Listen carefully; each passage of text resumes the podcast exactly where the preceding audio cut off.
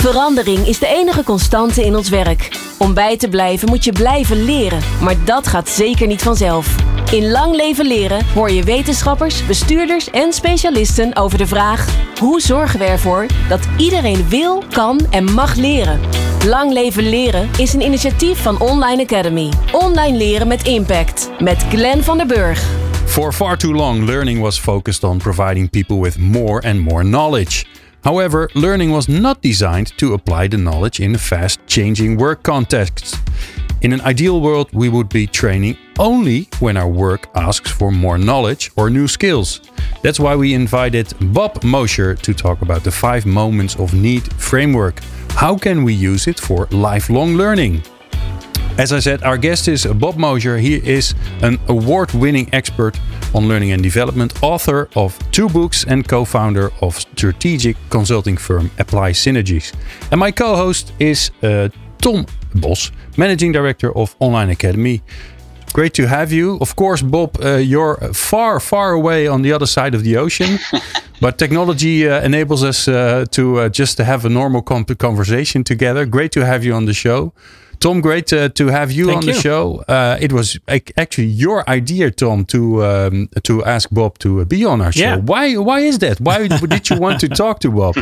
yeah, well, uh, that's be- as you said, it's because of the theory, uh, the five moments of need, and uh, as I explained to Bob, we, we speak about lifelong learning in every episode, and this time, this time around, it's it's uh, about like how can we apply the um, the five moments of need to lifelong learning, and is there like any distinguish distinguished um, i- investment in one of the five moments needed, for example, uh, to facilitate in lifelong learning. And Okay. uh, Bob has a very uh, we should we should talk about it for a bit, but uh, I find it a very easy to understand framework and easy to talk about. So that's the reason I thought All let's right. have a chat with Bob. So we'll dive into, uh, uh, of course, the framework. But, but first, Bob, uh, if you look at your your the personal way that you give shape to a lifelong learning in your life, how do you do that?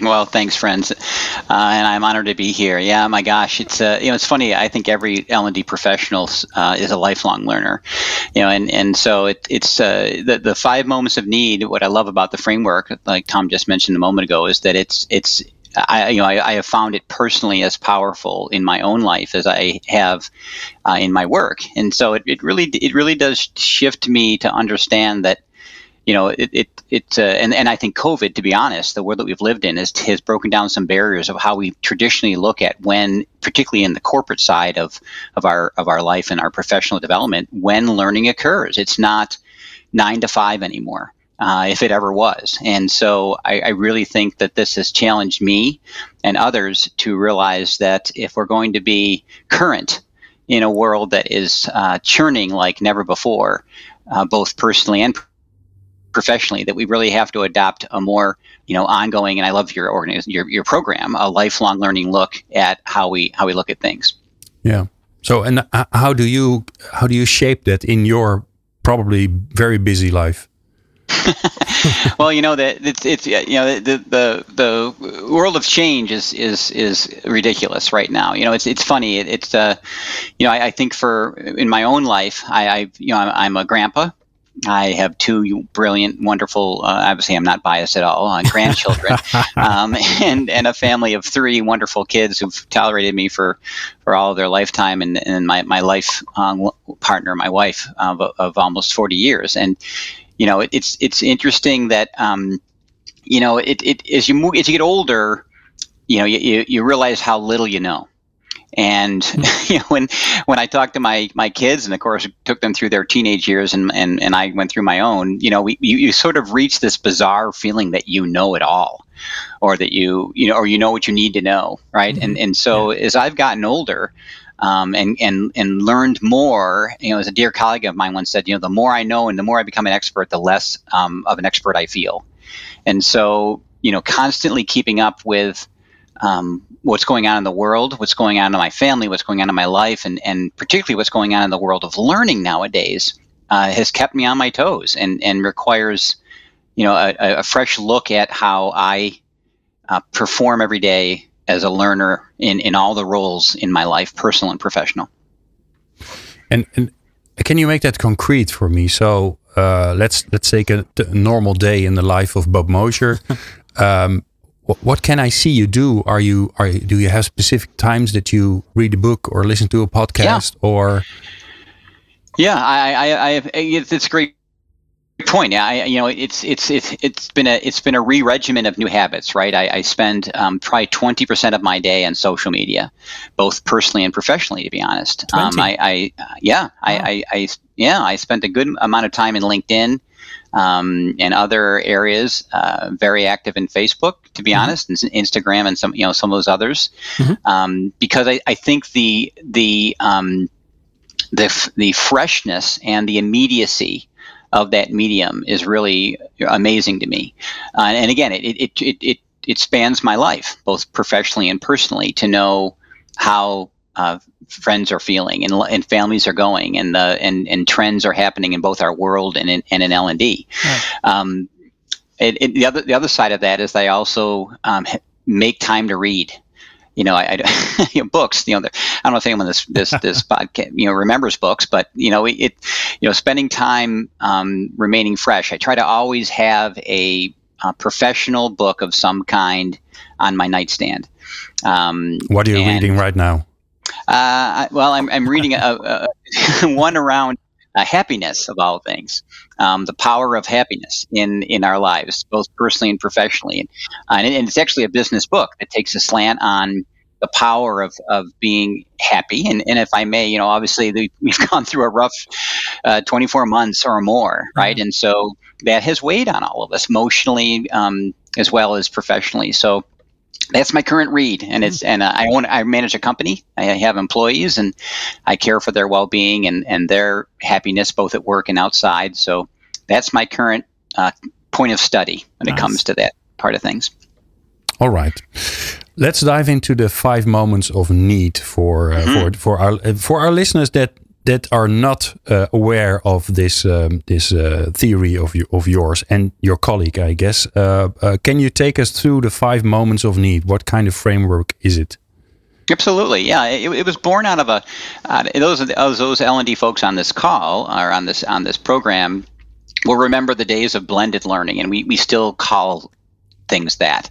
And I had come out of a rather failed effort at that. We had done all of the blended learning things, but we weren't getting blended learning results. We weren't getting application.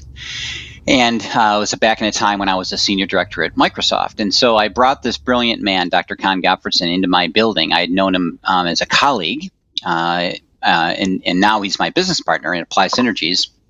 And Con took a look at our program, and what he basically said was, you know, this is a this is a brilliant um, content blend, but it's not a great context blend. And I was like, well, wait, wait, wait, wait. What, what does what does that mean? How what, what's the difference? he said, well, too often we look at we design learning. I loved your lead in from a knowledge perspective. I would call that a content view.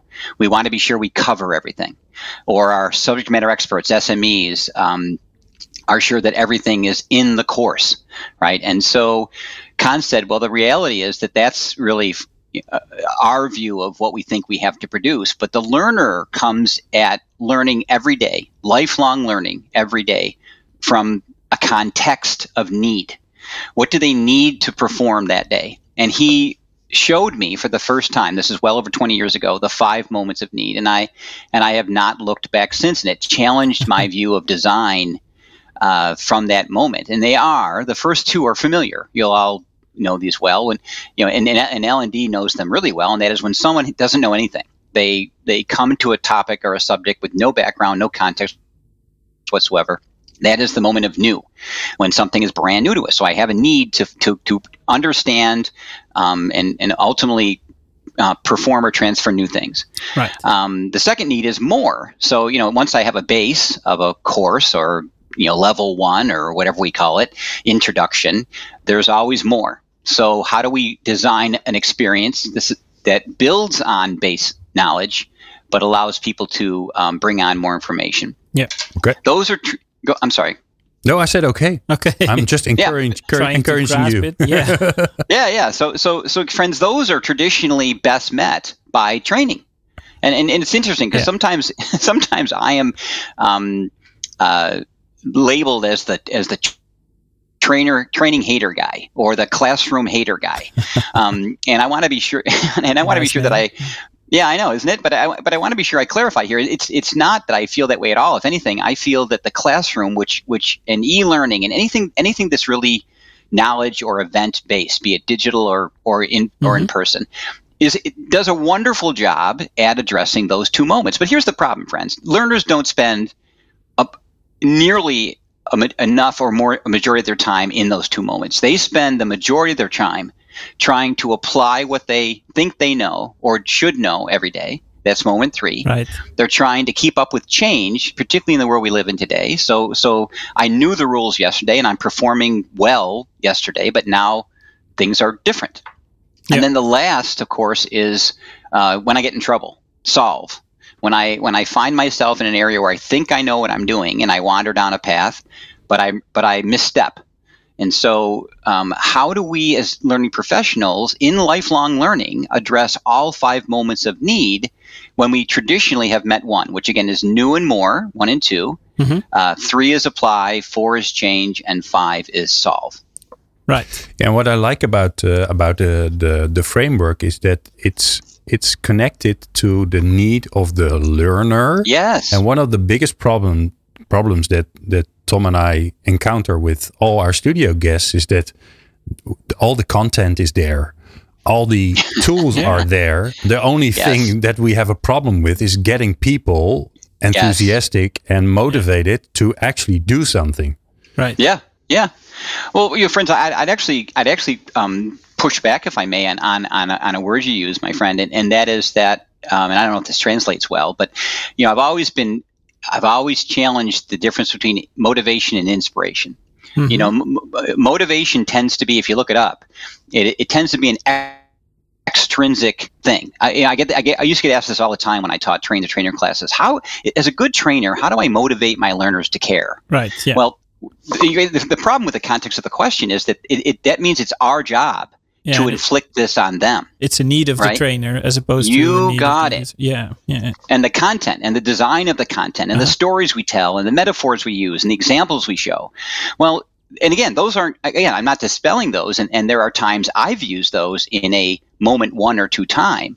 But when a learner moves into apply, change, and solve, friends, they are now inspired, intrinsically motivated to not lose their job. Yeah. to to get better at what they do, to not fail and, and or be embarrassed or just you know fail in general.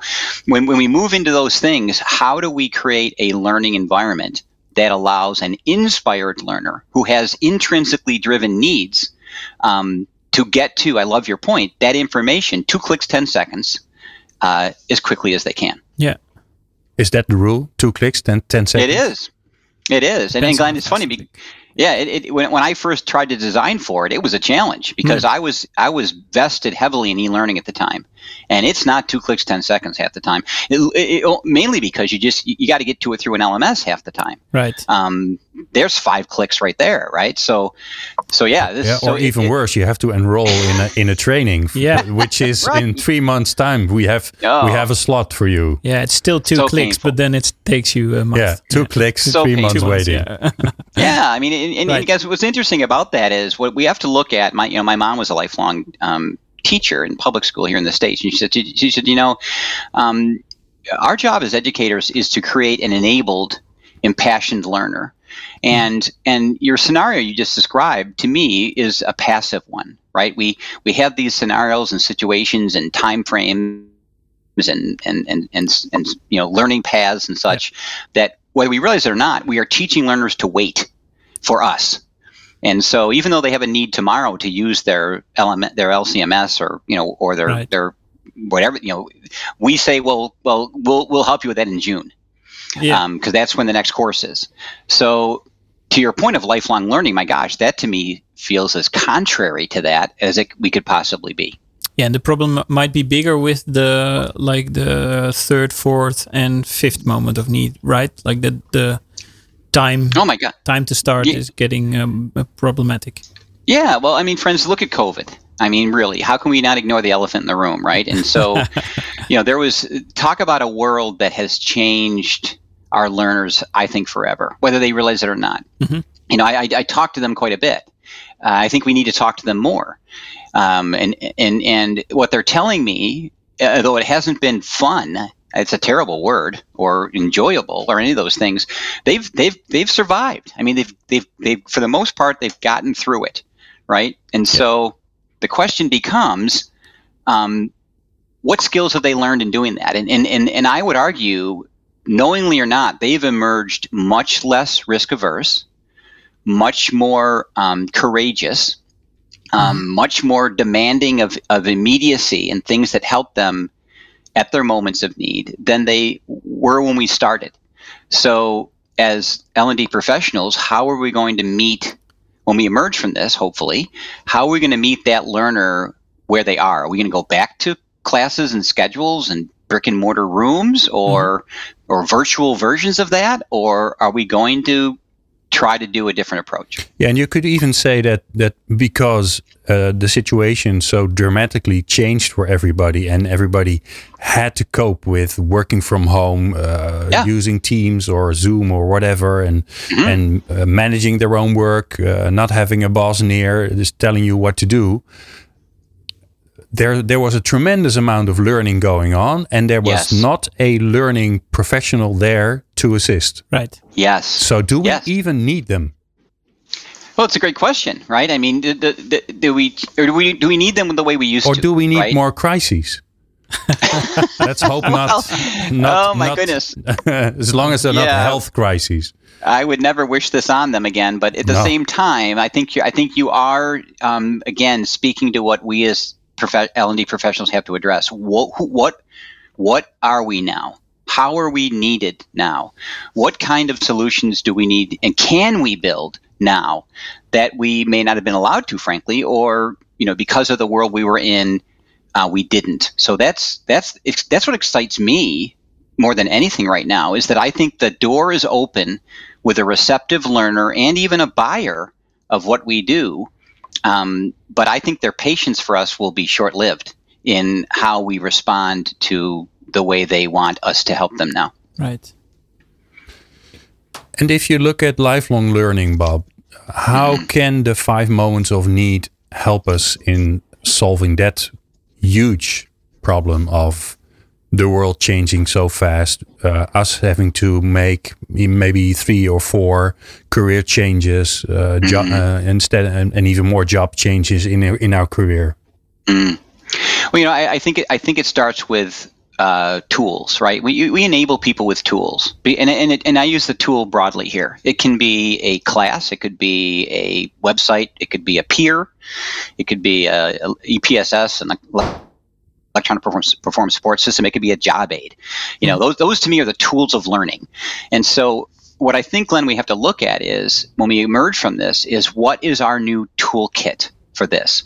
And in, when it comes to lifelong learning, um, and, and understanding the five moments of need, I think we have to start building for apply ahead of new and more. Okay. You know, it, it that, that was a true that was a remarkable pivot for me ten years ago when I started doing this exclusively in my work. And and what I realized really quickly, and I, I think all the L and D folks out there have to listen to this, is we we have we knowingly or not have become very um, conditioned with how we think and what we build. And and even though I was very astute at this, I wrote a book on it with my colleague and so on. You know, I always tell the story that when we were asked to teach our first workshop on workflow learning in five moments, we built a workshop with no with no help, no no EPSS, no no workflow tools. And and, and it, it, it really put us back on our heels because we're like, oh my gosh, we wrote the book on this like a month ago. And when we were asked to do a workshop on it, a live event, we we went right back to what we knew mm-hmm. and forgot what we had learned. So I think for lifelong learning, um, and you, I think you coined it perfectly earlier. How do we tame the madness? How do we create an environment that learners can self teach, self remediate, um, and go to training only when they have to or it's necessary. That that's a that's a complete flip from how we looked at this 24 months ago. Yeah. Yeah. So then um, I wonder, like, who should be creating this stuff? Uh, because like uh, lifelong learning generally implies that it's not your employer, or at least Right. not only your employer. Good for you. Yeah. yeah, well, I mean, look, look, look, look what we're doing today, right? I mean, you guys, the, the, you know, it- again, I think it's all in how we look at this stuff. And and and I, I just came back from a conference, my first one in two years, and it really, in some ways, disheartened me because it was a L and D conference, a small one, but you could tell that the L and D folks in the room were just so happy we were back where we used to be. All right. you know, and that we were we were all together talking about the same stuff that we talked. And I and I It was like a but sit- school reunion. Oh my gosh, you guys! I couldn't help but sit there going, "Is anyone else not see that the emperor has no clothes here? I mean, wh- why? wh- How are we having the same conversation with the world that we just drove here or flew here from? You know, and so and so, I really think that um, we have to realize, to to the point you made a bit ago, is that learners created some remarkable um, assets, learning and, and support assets during this. They did. We didn't. And so, what if we took a step back and did some analysis through the lens of the five moments, and and did some some digging and, and, and data mining into what our learners made, from the stickies that surround their monitors to, you know, whatever the, whatever they made, and what if what if we became the content aggregators rather than the content creators? Um, I think we'd find that there's a there's a remarkable wealth of moment of need, um, uh, workflow designed tools out there, but they they're just not being well aggregated, right? And so, how do we enable these wonderful assets that should remain in the hands of those who made them, and rather we help with the uh, effective two clicks, 10 seconds aggregation of those things. You know, no governance comes into play here, friends, in a remarkable way, and that's a word I hadn't used the first 20 years of my career. you know, there Yeah. once we once we start opening the, the moment I went head deep into the five moments in workflow learning, the first thing I realized was I ain't going to make all this stuff anymore. In fact, I'm going to make very little of it. Um, so how do I get my arms around because because it's made by those who are doing the work, and and that's and they and it should.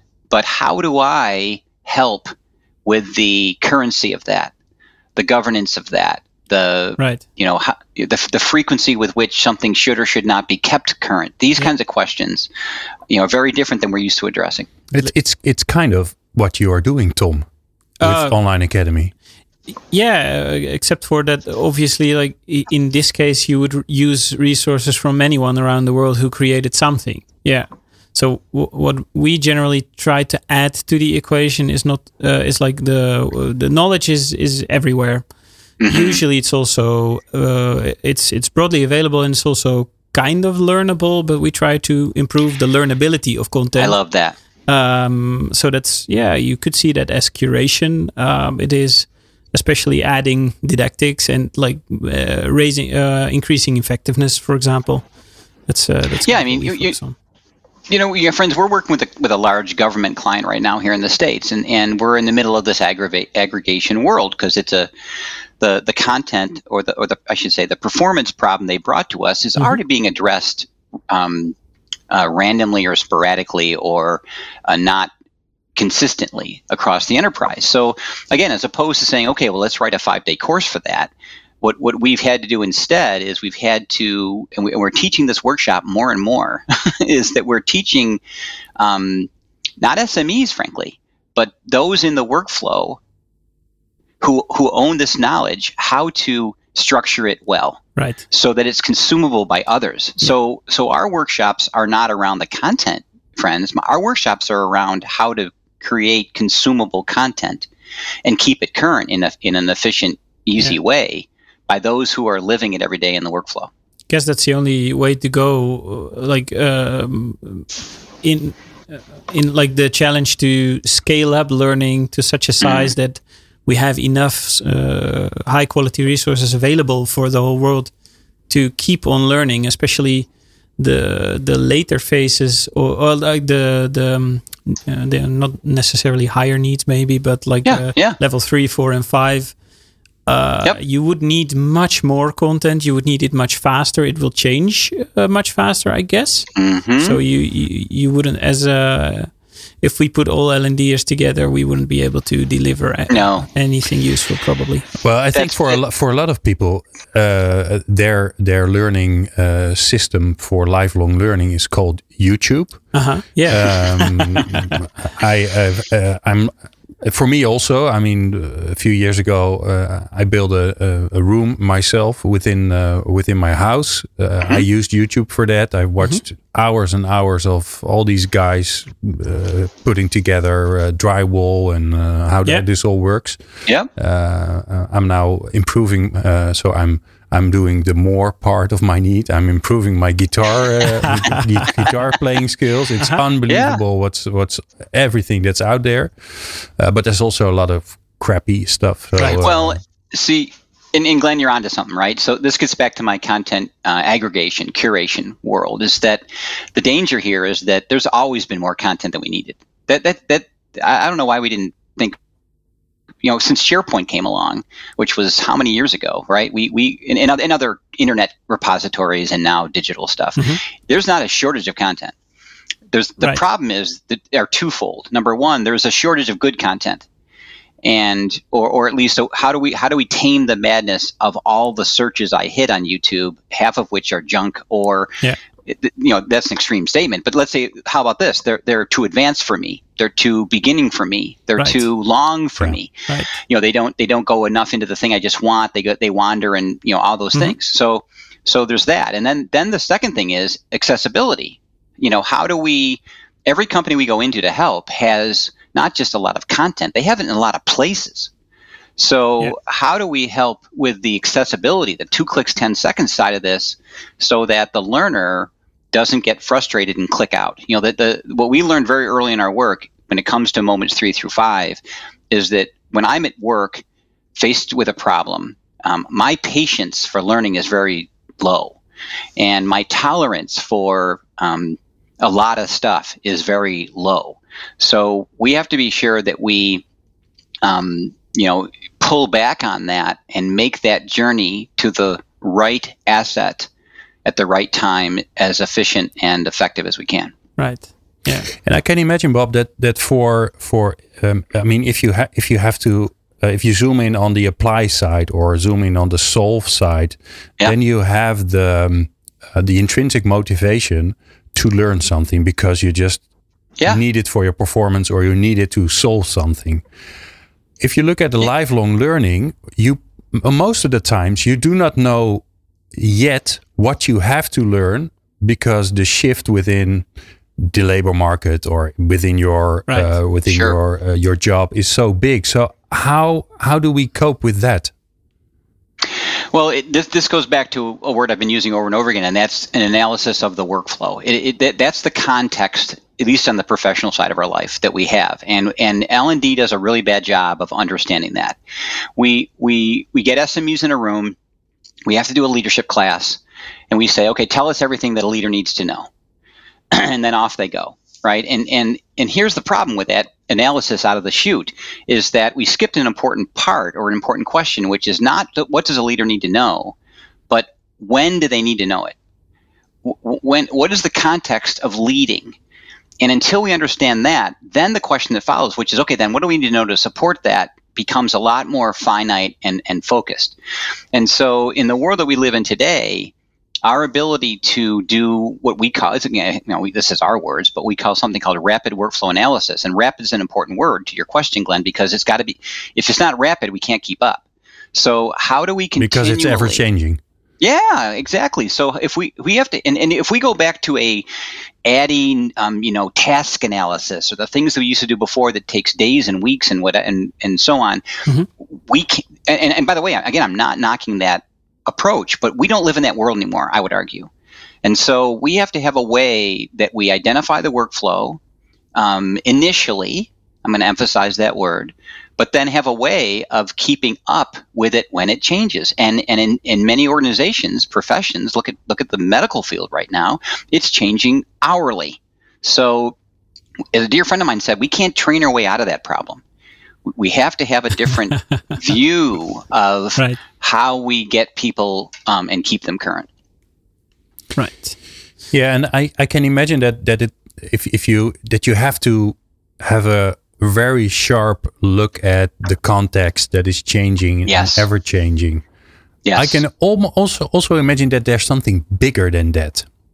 It's something that's just not in scope of the learner that you that they do not yet see, but other people do see, like mm-hmm. maybe the the influence of AI or some new technology mm-hmm. that almost nobody knows, but will have an impact in two or three years on uh, on on the whole professions. So so how do we inc- incorporate that knowledge of the changing environment on what we have to learn in a lifelong learning perspective? Well, I, th- I, think it gets back to your you know your question you asked me earlier, which is we we have to eat our own dog food here, as we used to say in the as we say sometime in the states, right? Which means we we can't we have to be lifelong learners in the trade that we are in. It, it, it really sometimes frustrates me, if I may say this, at 61 years old. I'm, I'm in my 61st year around the sun here, and and I have to tell you that that sometimes I get frustrated with our profession because we you know, and, and, and I, get it, you guys. I, have been I've been at this for almost 40 years. I'm in my 39th year of, of learning and development, and and I and I've worked hard at it, and so I get the the pedigree, and I get the honoring of of what's gotten us here.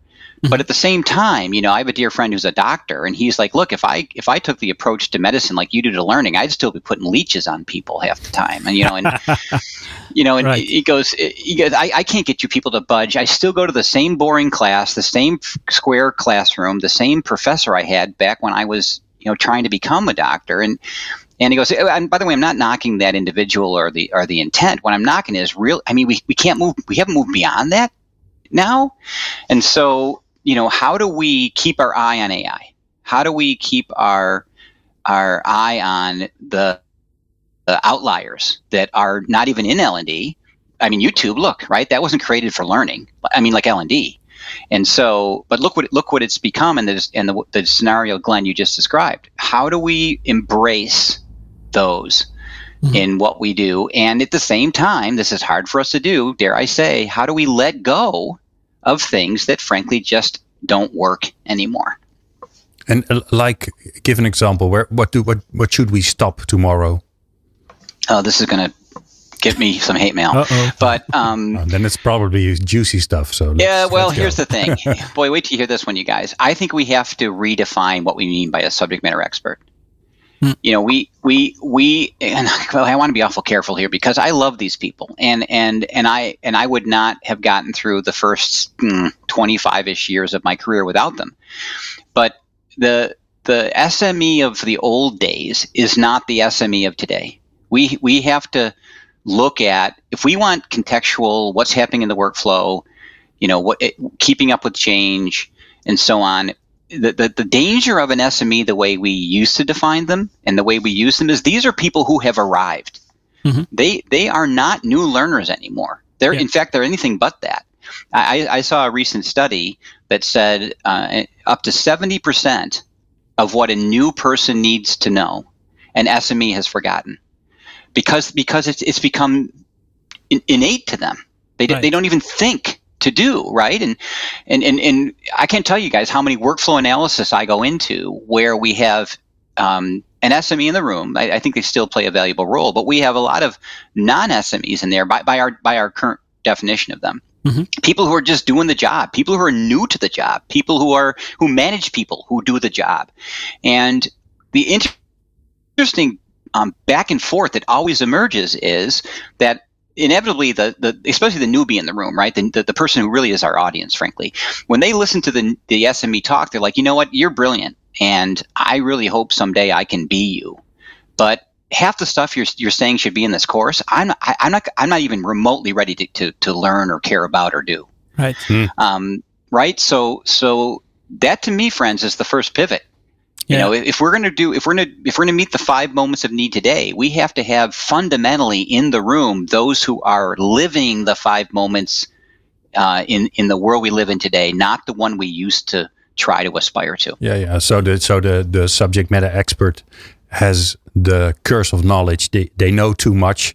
Yeah. And because Yeah. they know too much, they forget the first steps that they themselves also have have uh, taken. But it was so so long ago that they can't remember what their first successful steps were.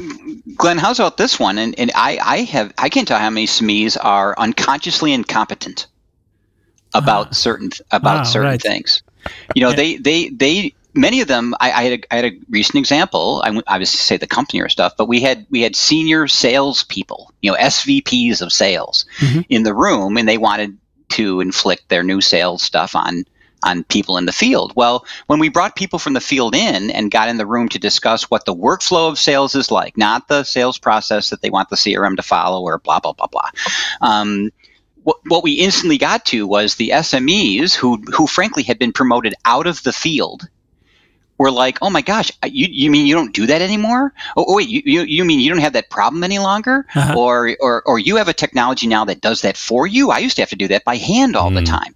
You know, Right. this so so so the so the SME, you know, had moved out of the context of the work because they were promoted out of the out of doing. And so, right, there's the there's the there's the um un- unconsciously incompetent part Yeah. and then there's the you know the reflexive they don't think to do anymore part and those two things together in the world we live in today are a dangerous um, view alone to have for our work So you would say it's better to have a group of people that do not know, and together Yes. with them start exploring and Yes. and and by that way start learning. then getting somebody in who already knows. Yes. Yes, we, we put two people in a room, my friend. We, we put well, we again. I apologize, but these are our terms, but th- we have to have, we have to call them something, right? So we have an SME in the room, subject, subject matter expert, but we also we always have what we call a business matter expert in the room, a BME, and we tend to have more BMEs than SMEs. And the BME is a is a fancy way of saying those that may not know, but but are but are doing the work. Those that are right. And so, and, and the reason why we want them to outnumber the SME is because in the end, the BME has to win. Hmm. Um, the BME has to win the discussion. Uh, so the SME is there for balance. I get it, and and we do want BMEs to be SMEs, but we need to know the the context of the workflow and and the moments of need though the BME is experiencing to get them to the SME part. And like you said, Glenn, a moment ago, the SMEs fill in the blanks. You know, they put in things that the, that, that the BME wouldn't know, but the balance of power, if you will, in the room, or the sheer amount of content that you end up teaching, is is exponentially smaller Yeah. than it used to be. Yeah.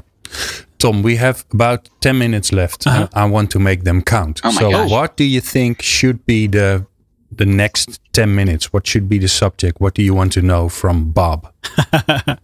Um, le- uh, well, let me take a sidestep first, if that's okay, because Sure. uh, uh, Please.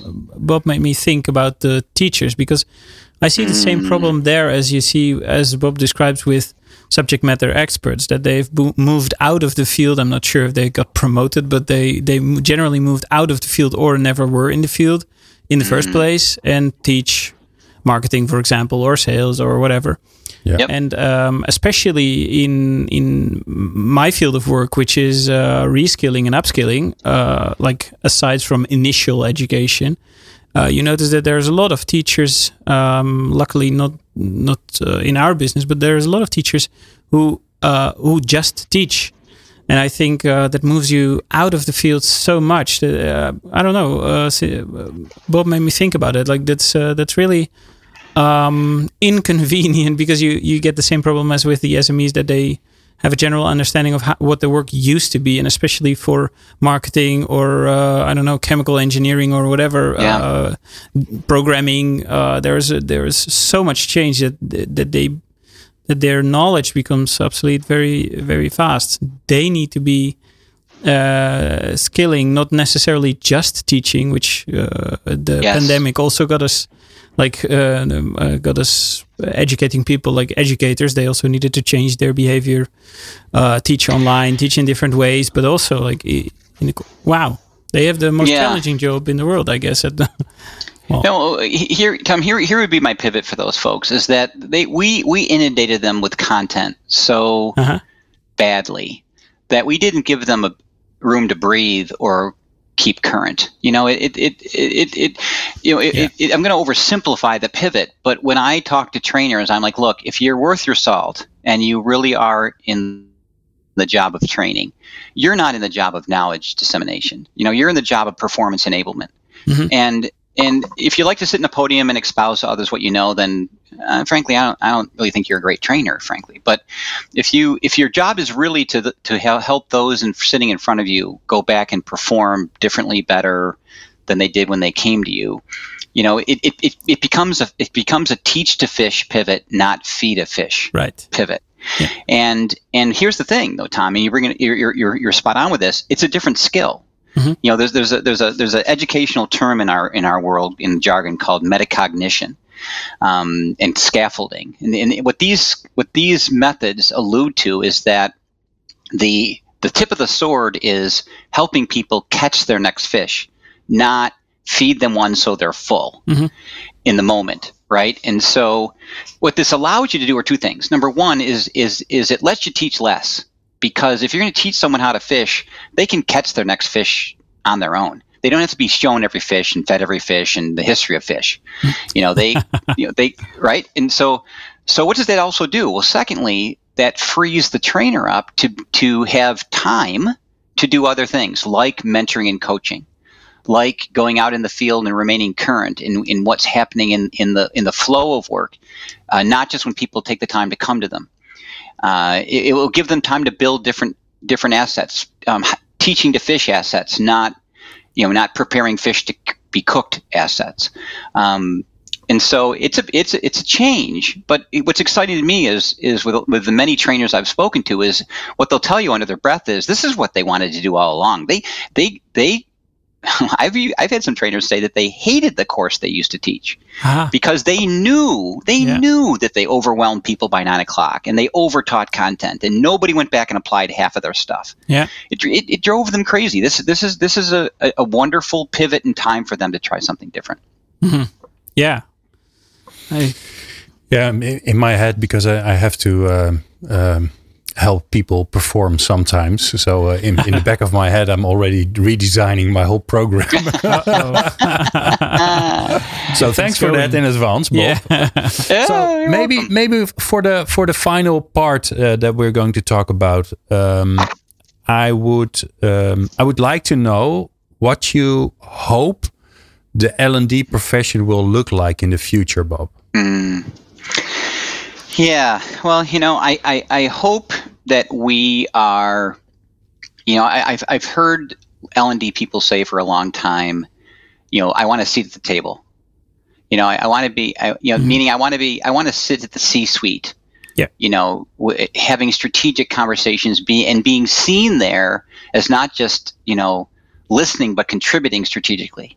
You know, I, I want to move away from being an order taker too, too, you know, too often I everything comes to me downstream. I'm not allowed to be involved up front, and so by the time people get to me, it's like I want five days of training on leadership, and you go, wait, wait, wait, wait, wait, what? Five days on leadership? How? Where? Where did this?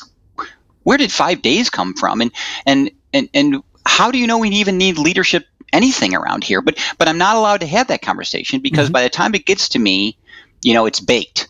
Yeah. And so, so my friend, where where I want to see L and D do is we have to move up earlier in the food chain.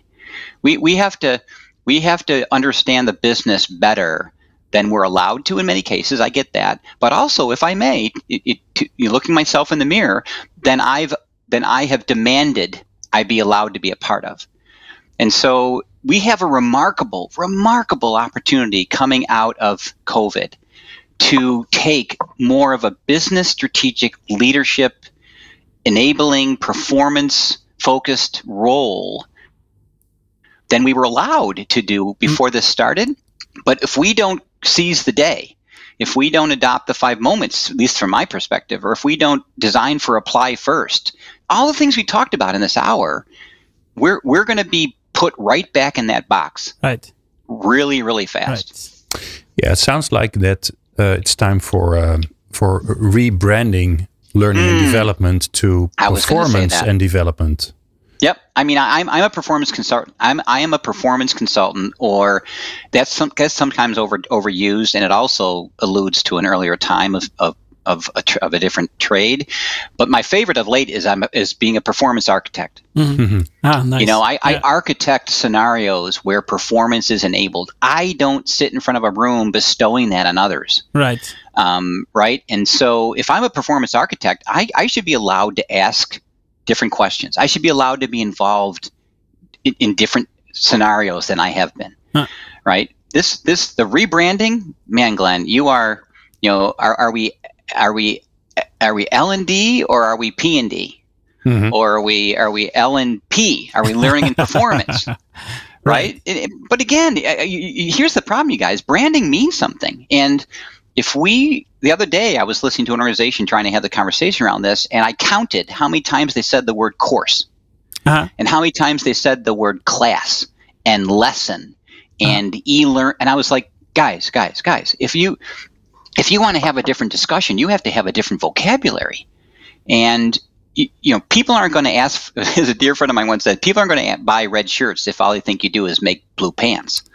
so, Yeah. we, you know, it, it's branding is it starts with a mindset, and then we have to follow through with what we do. Yeah, my, my closing off question would have been, um, like, so how did we end up in that position as L and D in the first place? Like, why why didn't they get involved in? Uh, why aren't they on C-level, for example? You you kind of answered that question, but maybe you want to add a bit. Yeah, well, here's the thing, you guys. If you look at the evolution of any business, right, from its from its from its beginning to its to its ending, is that somewhere along the line you start reading your own press, and you start getting in, in, in the, the, the, the, the the the scary part of the up of the of the startup is this is this strive for normalcy and calm. Mhm. The danger of normalcy and calm is that you're no longer innovative anymore. You know you you be, because you, you just want every, you want the water to be still and your classes to be full and your e-learnings to be you know clicked on and Yeah. you know and and I, and I get it. I was in that world. I, I mean but here's the thing. We settled there Tom for too long. And and the world kind of passed us by. And we went from this you know gotta have to a nice to have to uh, well maybe we don't need you. So so you know we've got to get back in the deep end here yeah, and and and and change the change the vocabulary. And it's painful. It has been painful for me in the in the last 15 years i've been trying to do this on purpose.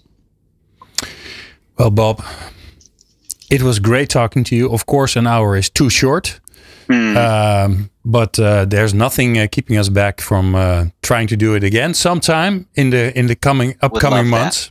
yeah. i love that That would be great. Um, you've been listening to Bob Mosher from Apply Synergies. More information you can find on five moments of need, number five moments of need.com.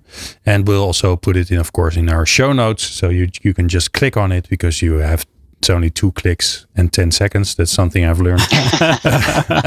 love You pick that up quickly. love that And uh, of course, you've also been listening to uh, Tom Bos, uh, managing director of Online Academy. And of course, thank you for listening to this episode. Bedankt voor het luisteren naar Lang Leven Leren, een initiatief van Online Academy.